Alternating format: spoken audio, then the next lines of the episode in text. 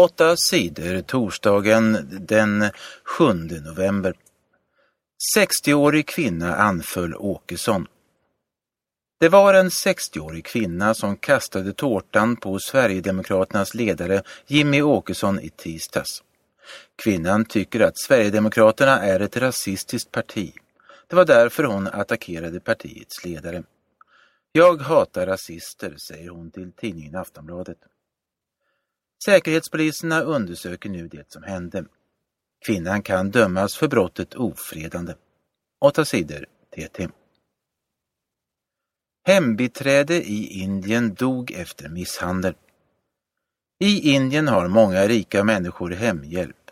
Fattiga kvinnor och män sköter matlagning och städning hemma hos de rika. Många hembiträden blir illa behandlade. En del av dem blir slagna. Nu anklagas en kvinnlig tandläkare för att ha slagit ihjäl en 35-årig kvinna som arbetade som hembiträde hos henne. 35-åringen dog i sin säng sedan hon blivit slagen. Det säger andra som arbetar i samma hus. Många av de som arbetar hemma hos rika familjer får ingen lön. De får bara mat och en säng att sova i. 8 sidor TT. Göteborg bjöd på sprit för en halv miljon. Anställda i Göteborgs kommun åkte till en husmässa i staden Cannes i Frankrike. Företagare, politiker och andra samlas varje år på den lyxiga mässan.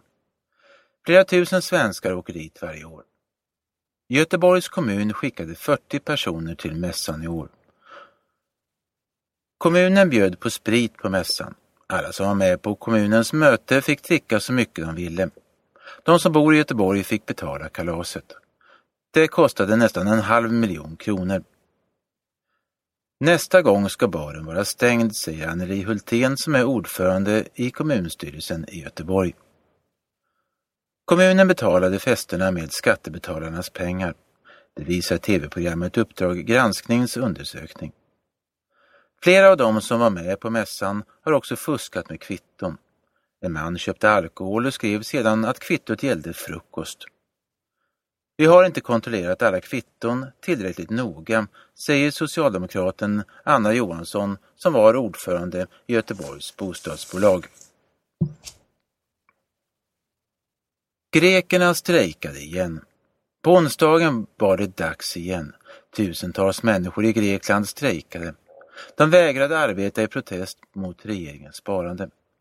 Strejken gjorde att många skolor var stängda. Bussar och båtar stod stilla och många domstolar stängde. Många av de som arbetar på sjukhus strejkade också. De strejkande tycker att regeringens sparande skadar landet. Grekland har jättestora skulder och måste spara.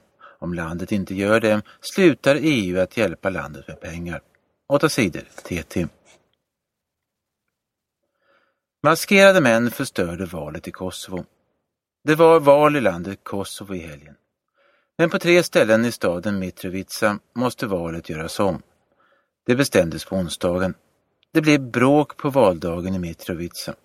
Maskerade män slängde in tårgas i lokalerna där folk röstade.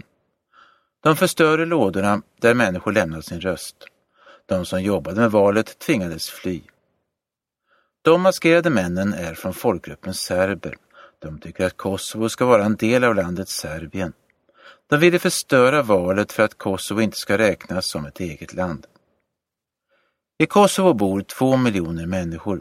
De flesta av dem är albaner. Bara hundratusen är serber. Kosovo har bara varit ett eget land sedan år 2008. Nederländerna kräver att Ryssland släpper demonstranter. I slutet av september tog ryska poliser fast 30 demonstranter från miljögruppen Greenpeace. Poliserna tog dem när de försökte ta sig upp på en rysk oljeplattform i norra ishavet. Greenpeace var där för att protestera mot att Ryssland borrar efter olja i området. De 30 från Greenpeace har åtalats av en domstol i Ryssland. De åtalades för brottet sjöröveri. Om de döms kan de straffas med fängelse i mer än tio år. En av dem som poliserna tog är svensk medborgare. Nederländerna vill att alla demonstranter ska släppas. Landets regering bad på onsdagen havsrättsdomstolen att tvinga Ryssland att släppa alla 30 demonstranterna. AFA tog på sig attacker. Folk som är med i partiet Sverigedemokraterna i västra Sverige har blivit hotade. En bomb sprängdes på natten mot tisdag utanför ett hus där en medlem i partiet bor.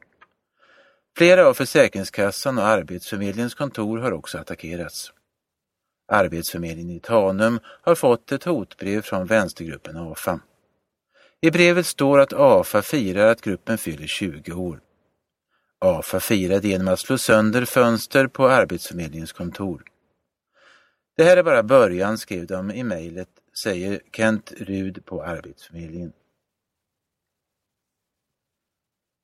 Oavgjort i första kvalmatchen. GIF Sundsvall eller Halmstad får spela i Allsvenskan i fotboll nästa år. Lagen möts i två kvalmatcher. Den första matchen spelades på onsdagen i Sundsvall. Matchen slutade oavgjort 1-1. Nästa match spelas i Halmstad på söndag.